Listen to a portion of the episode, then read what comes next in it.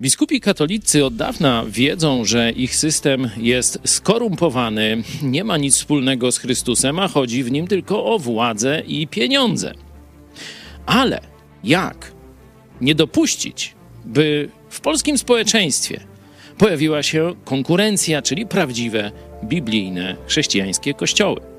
Trzeba zastosować starą diabelską technikę oczerniania konkurencji Czyli Polacy będą wiedzieć, że ich kościół moralnie jest podły, ale taki swojski.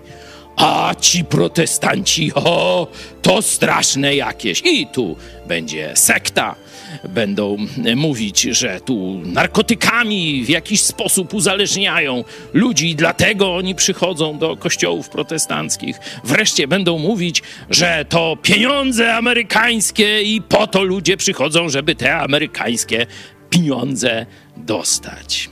Absolutnie do Polaków nie może dotrzeć przesłanie, że ludzie przychodzą do Jezusa i dlatego są w kościołach protestanckich.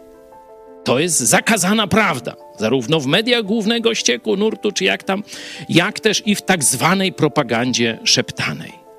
Żebyście nie myśleli, że to tylko teraz i że to dziś, że wobec ciebie, mnie czy innych ludzi takie oszczerstwa są rozsiewane. Otwórzcie sobie dzieje apostolskie, czyli dzieje apostołów Jezusa i tam mamy drwiny.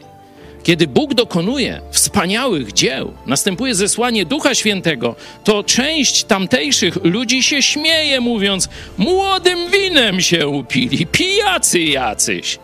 I apostoł Piotr, zanim rozpoczyna głoszenie Ewangelii, wychodzi i mówi: Niechże wam będzie to wiadome. Dajcie też posłuch słowom moim, albowiem ludzie ci nie są pijani, jak mnie macie, i tak dalej.